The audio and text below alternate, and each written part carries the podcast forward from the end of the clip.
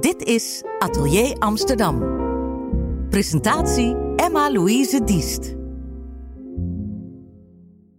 Het is het begin van het Multatuli-jaar. Een jaar waarin we een schrijver eren, Multatuli of Eduard Douwes-Dekker. Een jaar waarin we veel over hem gaan zien, gaan horen en hopelijk ook weer gaan lezen en herlezen. Ik ga in gesprek met schrijver Arnold Grunberg. Hij hield een lofrede tijdens de onthulling van de gedenksteen van Multatuli in de Nieuwe Kerk een bijzonder moment, denk ik. Uh, ook wel bijzonder, denk ik, wanneer je zoiets schrijft en dat dan uiteindelijk hardop moet voordragen. Dan krijgt het werk vaak een heel andere vorm. Hoe was dat voor jou?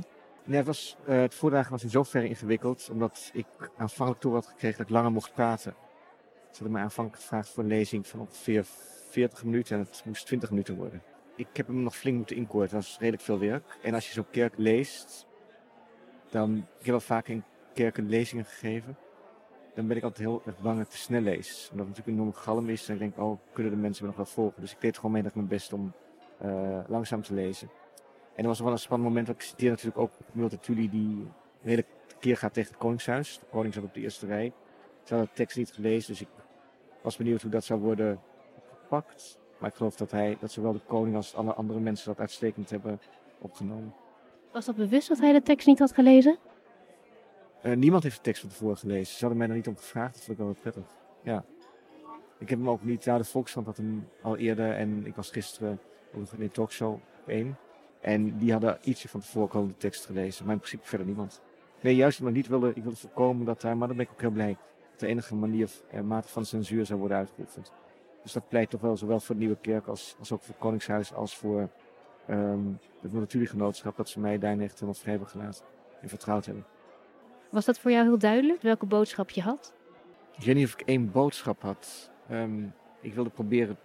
Er is natuurlijk over Multatuli al zoveel geschreven en zoveel gezegd. Ik wilde proberen toch iets nieuws te zeggen. Tegelijkertijd vond ik het belangrijk om iets over zijn leven te vertellen, omdat ik denk dat heel veel mensen ook details niet kennen. Ik heb in. Dus het, het was. Ik had wel het idee dat ik alles mocht zeggen, maar ik wist ook wel dat dit een lofrede moest worden. Waar, waarbij ik vind dat een lofrede nog geen uh, heiligverklaring hoeft te zijn. Dat is ook saai. Maar ik wilde, ik wilde dat, dat wilde ik in ieder geval wel doen. Ik vind het, ja, ik wilde natuurlijk niet door het slijk halen. Dat zou echt ongepast zijn geweest. Maar het is even ongepast, zeg je in de lofrede ook, om hem als heilige te maken. En waarom is dat, denk je? Is dat juist omdat je dan de beweging eruit haalt en hem dan maakt tot iets wat onaanraakbaar is? Dat hij geen heilige was. Dat is ook helemaal niet zo interessant. Ik denk dat heilige. Ik denk dat er weinig grote schrijvers zijn die, die het leven van een heilige hebben geleid. Hij ook zeker niet. Wie wel, kun je afvragen. Maar ik denk wel dat er een behoefte bestaat aan eenduidigheid. En dat hij zo geassocieerd is met de strijd tegen de onderdrukking van wat hij noemde de Javaan. Um, is hij eigenlijk gereduceerd tot, tot een eenzijdig beeld van iemand die daarvoor opkomt. En um, zijn eigenlijk zijn schrijverskwaliteiten veronachtzaamd ten gunste van zijn activisme, wat eigenlijk ook heel dubbelzinnig is. Vaak. Omdat hij natuurlijk wel ook meedraaide in dat systeem. En eigenlijk het systeem aan zich niet zo verwerpelijk vond. Hij wilde het gaan corrigeren zodat de inheemse bevolking tussen aanhalingstekens een beter leven had. Maar hij zei ook letterlijk van ja, als we zo doorgaan verliest Nederland zijn kolonie. En daar was helemaal niet voor. Wat ook heel begrijpelijk is vanuit het oogpunt van die tijd. Maar ik denk dus dat je hem echt onrecht doet door puur als een politiek activist neer te zetten. En daarnaast had hij ook allerlei opvattingen, bijvoorbeeld over de grondwet of over het uh, parlementaire systeem democratie, die, mensen, die heel veel mensen tegenwoordig echt uh, voor verwerpelijk zouden houden. Heb je zelf nog moeite gehad om je positie te bepalen ten opzichte van het werk? Nee, ik vond het wel, het, wat ik probeerde duidelijk te maken is ook dat het zo ingewikkeld is. Omdat anders dan, dan zijn tijdgenoten uit, uit andere landen, zoals de grote Russen, Fransen, Flaubert, Balzac, um, schreef hij eigenlijk geen romans. Het is een werk daardoor heel moeilijk doordringbaar. Ook omdat, zelfs, Multatuli, uh, zelfs Max Havelaar is een buitengewoon, is best wel een ingewikkeld boek. Omdat je een aantal uh, vertellers hebt. Um, het is niet, je wordt niet, er zijn, er zijn verschillende personages, je wordt steeds eigenlijk weer eruit gehaald. Niet voor niets zeggen uh, mensen ook van, nou, dat deel van, van het boek vond ik zo geweldig. En dat geldt natuurlijk te meer ook, ook heel erg voor de rest van zijn oeuvre met al zijn ideeën die heel erg onevenwichtig zijn. En dat probeert ook duidelijk te maken dat het eigenlijk een wonder is dat hij zo goed, dat hij zo beroemd is geworden dat hij zoveel aanzien heeft gehad, omdat hij zichzelf ontzettend moeilijk heeft gemaakt. In zijn werk en in zijn leven ook. ik denk dat hij daarmee ook de lezer moeilijk maakt. En tegelijkertijd is dat ook de charme en het, En het belang van zijn werk dat hij natuurlijk was volstrekt, ook qua vorm, volstrekt origineel. Lof willen spreken over iemand of um, bewondering hebben voor iemand, is het fijn als het grijpbaar is. Als we kunnen zien wat we mooi vinden. Was dat voor jou dan ook moeilijk om te kijken wat je mooi vond? Want je, nu spreek je erover alsof het eigenlijk die chaos die hij presenteert, dat je daarin al meteen de schoonheid ontdekte. Maar heb je daar zelf ook een zoektocht in gehad? Jazeker, zeker niet meteen. Toen ik natuurlijk op, op school was, Vosjes, uh, toen ik moest lezen, toen vond ik het eigenlijk vreselijk. Moeilijk natuurlijk als je iets moet lezen. Ja, ik moest, ik, ik, ik had ja, ik kreeg ook een zesje voor mijn werkstuk. Uh, terwijl ik toen nog heel erg mijn best deed op school. Relatief. Maar nee, ik, ik had niet heel veel. Ik, het, het, die hele, dat hele geschiedenis van Nederlands-Indië interesseerde me op dat moment nauwelijks. Ik had niet heel veel affiniteit met, met zijn werk. Dus dat is, dat is gaandeweg gekomen. Eigenlijk begon het toen ik in 2009 een groot stuk over hem schreef voor NRC Handelsblad. En toen ben ik met hem gaan verdiepen. En toen ja, dan zie je toch nou ja, zijn humor, zijn stijl, zijn venijn. En de hartstocht waarmee hij dat toch allemaal consequent... Er zit natuurlijk ook enorme hartstocht om steeds maar weer... Om maar door... Ja, er zit die wens om gehoord te worden. Die, en de beelden die hij oproept. De, ja, dat, dat, is wel, dat is wel redelijk... Dat is, dat, dat, dat is wel uniek. Maar het is inderdaad heel moeilijk de vinger op te leggen, omdat je hem ook weer onrecht doet als je zegt hij is alleen maar een stylist. Want dat is ook weer niet waar. Het gaat niet alleen maar om de stijl. Het gaat om, om alles samen. Het gaat inderdaad om die tegenstrijdigheden. Uiteindelijk heb je daar wel je weg in gevonden. En zijn er bepaalde dingen die je daar dan bij helpen om uiteindelijk in zo'n weerwar van allerlei ideeën, om dan uiteindelijk toch een pad te vinden? Nou, ik heb, de biografie van Dick van der Meulen heeft me wel heel erg geholpen. Dat is een dik boek. In de lange versie van mijn lezing zeg ik ook eigenlijk, lees dat als een roman. In tegenstelling tot heel veel maar door, door toch iets meer van zijn werk te begrijpen, door het beter te kunnen plaatsen in de tijd. Iets meer van zijn leven te begrijpen, sorry, beter te kunnen plaatsen in de tijd.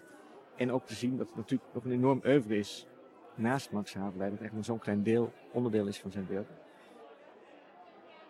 Begrijp je hem beter. En bijvoorbeeld in Minnebrieven, daar heb ik ook geprobeerd uitvoerig over te spreken gisteren. Dat ik een heel mooi en integrerende tekst vind. Daar, daar raakt hij me eigenlijk heel erg. En daar komt hij ook heel dicht bij bij wat mijzelf nu ook nog, niet dat, dat, dat de onderdrukking van Diawaan mij totaal niet meer bezighoudt of niet bezighoudt. Integendeel, je kan mij dat bepaald niet ook nog steeds heel, heel belangrijk nu. Maar in die middenbrieven waar het gaat om liefde, om zoeken naar waarheid, om uh, een vrouw en een geliefde. Of dat nou een aardse geliefde is of een idee doet er niet zoveel toe. Dat vind ik heel erg interessant hoe hij dat beschrijft. Met hoeveel humor dat beschrijft. En ook die eigenlijk ook steeds weer alle kanten heeft. Hij schrijft niet alleen zijn eigen brieven. Hij laat ook zijn geliefde brief aan hem schrijven. Laat zijn vrouw wordt een hele rare driehoek die, die ik heel intrigerend vind. En juist omdat zoveel stemmen te horen zijn, maakt het ook duidelijk hoe subjectief het is, van wel, het, hoe, hoe het ervan afhangt. Je perspectief bepaalt ook je positie, hoe je er naar kijkt. Het lijkt wel zo ook als je vertelt dat er zoveel stemmen zijn, dat dan uiteindelijk je eigen stem daarin ook wel heel belangrijk wordt. Dat je daar heel erg mee wordt geconfronteerd. Als lezer, ja, je wordt wel met je eigen subjectiviteit geconfronteerd. Maar dat geldt denk ik voor welk boek je ook leest. Je leest altijd uh, met je eigen geschiedenis. Dat probeer ik ook, niet dat ik heel vaak lesgeef, maar als ik op universiteiten ben of op scholen, zeg ik ook altijd, als je een boek leest en je betrekt het niet op je eigen leven, is het, leven is het lezen voor mij bijna een zinloze bezigheid. Als je doet alsof het niets met jouw leven te maken heeft. waarom zou je dan lezen? Je leest, ben je toch, omdat je ook iets over jezelf en je wereld wil begrijpen. En als het alleen maar ver van je houdt, dan maak je het lezen eigenlijk onschadelijk. Ik vind het altijd jammer als de lezer begint met lezen met een hele moralistische kijk. Van, oh, wat is dat een afschuwelijk personage, of dat zou ik nooit doen. Ik vind het altijd mooi, en dat probeer ik ook in mijn eigen werk, toch de lezer te verleiden om zich ook te identificeren met, met personages met wie hij zich misschien niet zou kunnen identificeren. Of door het boek iets in hem of hijzelf te ontdekken wat, wat de lezer heeft weggedrukt. En ik denk dat, dat Multatuli daar ook erg goed in is. Juist dat hij inderdaad vaak tekeer gaat tegen het publiek en tegen de lezer. Dwingt hij ook de lezer eigenlijk um, zich af te vragen wat, wat dat nu is lezen. Ja, wat ik gisteren ook zei, hij, hij verwijt de beroepsschrijver behaagzucht. Dus ik denk dat je na het, het is natuurlijk heel veel iedereen wil behagen, maar er zit, zeker als schrijver, zit ook iets gevaarlijks in als je dat uh, doet. Je hebt het over het gevaar van het onschadelijk maken van het werk.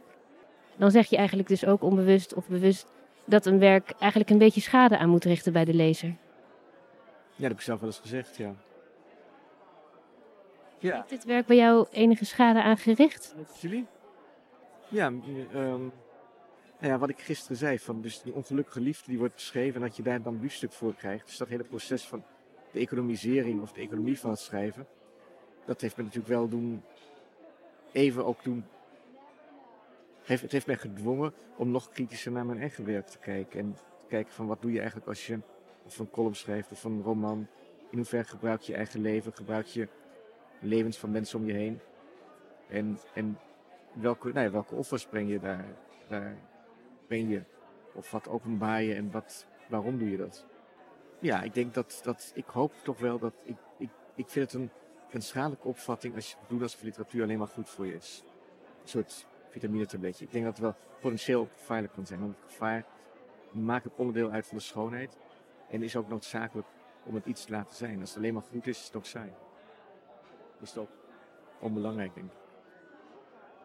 Zoek je eigenlijk onbewust naar iets wat je, wat je ja, raakt, is misschien ook eh, niet mooi, mooi om dat zo te zeggen, maar iets wat je een klein beetje ehm, op een verkeerde been zet en daardoor anders doet denken. Maar je zegt ook dat je daardoor ehm, ehm, zelfkritiek, dat het groter wordt, dat je je eigen werk anders durft te bekijken. Kan je dat doseren? Dat je het niet in de val loopt van alles bekritiseren van jezelf? Ja, ja, ik denk het wel. Ehm, kijk, je begint met schrijven omdat je een bepaald soort zelfvertrouwen hebt. Dat je denkt, ik heb iets te zeggen en ik kan iets. En dat is het uitgangspunt. Dus er moet wel een soort basis zijn van, van zelfvertrouwen of overmoed. Dat kan natuurlijk ook zijn. Als die er niet is, wordt het moeilijk. En vandaar kan je wel die overmoed of die hoogmoed, kan je dan wel weer, kan je daar wel wat deukjes in, in, in maken. Of kan je er wel met een mesje over krassen. Maar er moet wel, die basis moet er wel zijn, want anders val je ook in lethargie. Dan denk je, het is allemaal, ehm ik kan niets meer. Nee. Dat is natuurlijk ook het mooie toch aan Multatuli, of van vaak aan het lezen van, van schrijvers, dat je ook wel weer denkt, oh maar dit, dat je ook wordt gesterkt. Dat je denkt, dit, ik kom op ideeën hierdoor, of soms, dit kan ik beter, of dit kan ik ook, of dit is, zo slecht is het niet wat ik doe.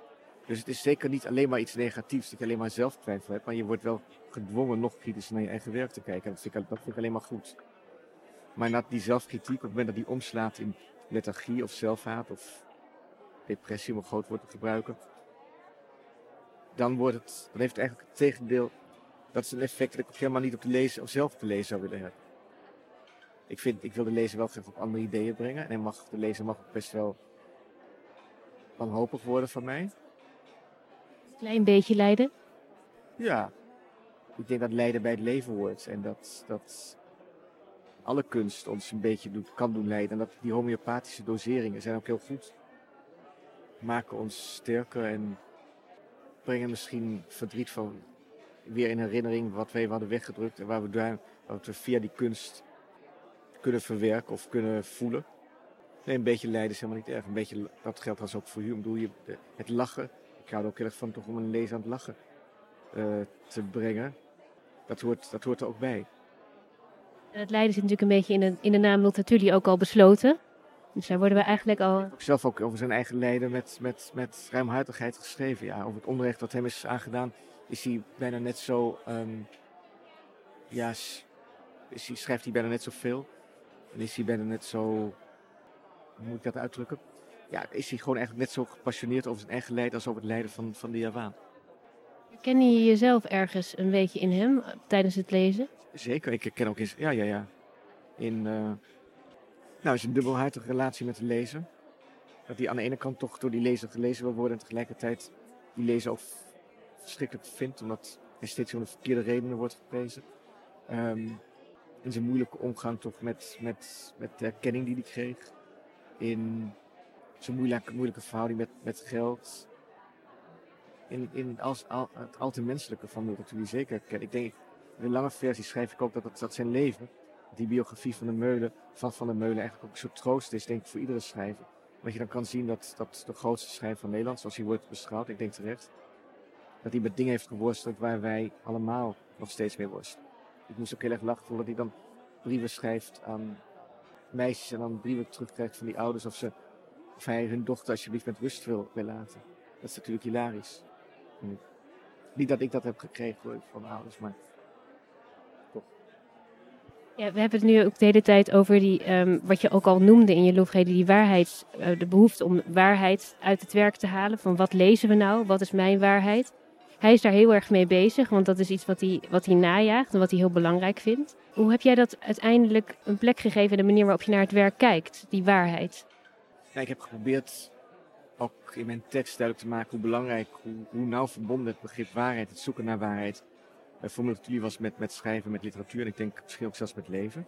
En in, dat, in die zin is dat, dat denk ik echt dat hij ook, dat, dat, dat hij ons leert dat lafheid een, voor een schrijver een slechte eigenschap is. Dat je ergens voor moet staan. Voor je eigen opvattingen. Ook al dat je best mag vergissen, dat zegt hij ook ergens letterlijk. Dus het is, de schrijver mag zich vergissen als hij maar in zijn eentje vergist. En niet beter, beter jezelf helemaal vergissen dan half meegaan met, met de massa. Ik heb geprobeerd te laten zien hoe, hoe duidelijk die waarheid is en ook hoe ongrijpbaar die waarheid is. Dat zo'n figuur als Fancy, op wie die dan verliefd is, dat het ook kan worden gezien als een metafoor voor waarheid. Dus dat wat een stelensfilm glipt. Maar dat je, wel, dat je wel altijd weer leugen en waarheid van elkaar moet scheiden. Ik denk dat is voor mij ook heel belangrijk. Dat wat je schrijft, ik, ik zou het verschrikkelijk vinden als ik dingen zou schrijven die... Bijvoorbeeld in een roman is dat anders, maar in een column of over Multatuli die ik niet echt meen. Of die, die, ik denk, ja, nu schrijf ik dingen en ik leef een totaal ander leven. Dat zou ik zo um, hypocriet en geest vinden en eigenlijk aliterair. Dus daarin, daarin kan ik me erg vinden. En ik denk dat hij dat ook heeft gedaan. Dat, dat, dat je moet schrijven waarmee je echt wat, wat jouw worsteling is. En niet denken van nou dit. Ik denk dat je als lezer altijd voelt als iets. Als er niets op het spel staat. Of als de schrijver ergens over iets schrijft wat hem niet echt boeit. Waarvan je denkt, daar moet ik over schrijven. Dat proef je. Dat voel je. En, en Multatuli heeft consequent natuurlijk er zijn hart gevolgd. Klinkt, klinkt zo plat. Maar hij heeft zich weinig aangetrokken, weinig, van andermans mening. En is consequent zijn eigen, zijn eigen intuïtieve, zijn eigen intuïtieve voorliefde heeft Je zegt, mag, je mag wel fouten maken. Maar er is dus ook een punt waar, wanneer we het over waarheid hebben, dat je geen fouten mag maken. Ik denk dat je altijd moet dat je altijd moet proberen te scheiden wat waarheid en wat leugen is. En dat je, daar, dat, je dat soms, dat die waarheid ons ontglipt. Dus dat je die niet altijd, ik denk dat je niet kan zeggen dat waarheid niet bestaat, maar dat die niet altijd zichtbaar is. Of dat het een voortschrijdend proces is. Het ligt ook aan waarover je praat. Soms zijn dingen heel duidelijk waar en, niet waar. Um, Lijkt het een zoek, zoektocht waar je eigenlijk niet, niet mee kan stoppen? Dat je daar constant mee bezig bent, die discussie? Het discussie klinkt het als een maatschappelijke discussie. Ik denk voor jezelf kan je daar, is het een constante zoektocht. Maatschappelijk gezien ook. Maar daarbij geldt dan wel weer dat, je, dat het weinig zin heeft. Het, heeft, het is, de maatschappij bestaat ook bij de gratie van vertrouwen. Dus bepaalde dingen, als je al het vertrouwen ondermijnt, kom je terecht in verschrikkelijke samenzweringstheorieën. Die ook, die, die wat mij betreft heel duidelijk onwaar zijn. Dus je kan ook zeggen dat op het moment dat alles te veel klopt, als het systeem wat je, in je voor jezelf bouwt, te kloppend is, dat je dan bijna zeker weet dat je niet meer met waarheid te maken hebt. Maar met een systeem dat dingen kloppend wil maken en dat daardoor eigenlijk ook elke mogelijkheid om te verifiëren ondermijnt. En dan... Dus je zoekt toch omdat je altijd weer moet verifiëren, omdat je altijd weer moet afvragen, klopt dit? Klopt dit nog wat ik nu zeg? Ook als ik met jou in gesprek ben, probeer ik toch, het is ook een gesprek, ik zeg dingen, ik denk terwijl ik praat, probeer ik weer voor mezelf na te gaan, klopt dit nog wat ik zeg? En is dit, is dit waar? Sta ik je achter? In die zin is eigenlijk literatuur, of als het een literatuur is, die voldoet eigenlijk aan de eisen waar we het over hebben eigenlijk. Dat zorgt ervoor dat je dat, dat zo'n systeem wat je misschien soms te strak maakt voor jezelf, dat dat even doorbroken wordt. Dus daar is literatuur dan ook goed voor. Ja, eigenlijk wel. Ik vind het wel mooi hoe je dat zegt. Dus eigenlijk gaat het om dat je systemen die je voor jezelf hebt gebouwd, of die anderen voor jou hebben gebouwd, dat die even van de andere kant worden bekeken, dat die in twijfel worden getrokken dat bepaalde zekerheden worden ondermijnd zonder dat daar nieuwe zekerheden voor de plaats komen. En denk je dat Multatuli, de boeken die hij schreef, daaraan kunnen bijdragen, wellicht ook voor de volgende generatie, als ze goed en, en secuur lezen? Goed en secuur lezen, ja zeker. Hoe moeilijk. Um, ik denk dat je, toevallig was Saskia Pieters die ook noemde, Nederlandica, die ook aan de studie aan Multatuli heeft gewijd, die mailde me vanochtend want ik dacht om een nieuwe selectie te maken uit zijn. Ik denk dat je eigenlijk zijn werk opnieuw, dat je het opnieuw moet ontsluiten. Dus dat je een selectie kan maken uit, ehm, nou ja, uit al die ideeën die je heeft geschreven. En zegt, dit is wat wij nu het beste vinden. Dit zou je moeten of kunnen lezen. Ehm, ja, ik denk, ik denk wel degelijk dat, dat, die, dat die, die lezer heel veel te zeggen heeft. Was, gisteren was ook iemand die zei, ik lees een dertaling van Multatuli. Het is natuurlijk 19e eeuws Nederlands. Dus dat, aan de ene kant vind ik dat jammer, maar ik ben ook geen puritein. Als dat de manier is om Multatuli weer um, ja, voor het, voor het voetlicht te brengen, dan is dat ook prima. Zo groot is het belang dus eigenlijk. Ja, ik, ik, ben, ik moet eerlijk zeggen dat er schrijvers zijn van wie ik nog veel meer hou dan Multatuli hoor. Maar um, kijk, het is niet voor niets wordt hij de grootste Nederlandse schrijver genoemd. Dus als je wil weten wat, als je het over Nederland hebt, als je ook zegt, nou, er bestaat zoiets als Nederlandse cultuur, dan kom je, kom je, kom je eigenlijk niet om Multatuli heen. Dus als je wil weten van in wat voor land leven, dan ik denk om te weten wie je bent, terwijl ik mezelf helemaal niet in de eerste plaats Nederlander voel en ik ook zelf geloof dat, dat, dat je het hele idee van nazistaat, want het is een andere discussie, misschien achterhaald is. Maar toch, als je ook veel wil weten, dit, dit is, als je eigen cultuur beter wil begrijpen, dan, dan is multitudie lezen wel, wel heel belangrijk. Een hele mooie mogelijkheid natuurlijk om jezelf uit te dagen en juist de literatuur te omarmen, denk ik. Zeker. Ik bedoel, als het goed is, leidt lezen altijd tot meer lezen. Dus is het, door multitudie kom je ook weer op bij andere schrijvers. En als je nu terugkijkt naar het werk wat je gemaakt hebt en het gesprek wat je op gang brengt daarmee, wat neem je zelf mee in je werk? Als ik kijk naar mijn eigen werk, wat ik zelf meeneem in mijn werk. Nou ja, ik denk dat, je, dat, het, dat ik het heel, dat het is heel belangrijk dat je jezelf niet herhaalt. Dat je altijd weer een stap verder gaat of iets nieuws probeert of iets anders doet. Dat je niet alleen maar denkt, oké, dit, dit heeft gewerkt, dit ga ik nu voortzetten. Ja, het aardige is natuurlijk dat, is dat, dat je op het moment dat je, ik heb paar weken wel verdiept, echt verdiept en geleefd met natuurlijk, dat je dan verder kan en verder wil. Dus het houdt nooit op. Het is niet echt een afsluiting. Het is altijd, ja, dat je denkt, ik ga er nog mee verder. Als je echt ergens in verdiept, laat het je niet los. is misschien wel de kracht van een goed werk. Van overgave, toch? Ik denk als je iets doet, misschien is dat ook wel wat, ook wat ons leert. Dus als je iets doet, kijk, dat, je kan, en dat heeft ook wel met liefde te maken. Je kan dingen liefdeloos doen. En liefdeloos doen is ook slordig doen of halfslachtig of niet nauwkeurig. En ik denk als je, het, het, als je iets liefdevol doet, dan, dan gaat het je ook steeds meer interesseren. Dan laat het je ook niet los. Dan is het niet, nu is het afgesloten. Nu hebben we deze lofreden gehad. Nee, natuurlijk. Ik ga me weer met andere dingen bezig houden. Misschien ga ik deze lezing nog uitbreiden voor een tijdschrift. Maar dit is zeker niet het einde van, van mijn relatie met, met Multatuli. Nou, in ieder geval heel erg veel dank voor het schrijven van deze lofreden en het op gang brengen van een verhaal wat zeker nog niet af is. En uh, heel veel plezier met alles wat je hieruit meeneemt in het volgende werk wat je gaat schrijven. Dankjewel. Dankjewel. Dank je.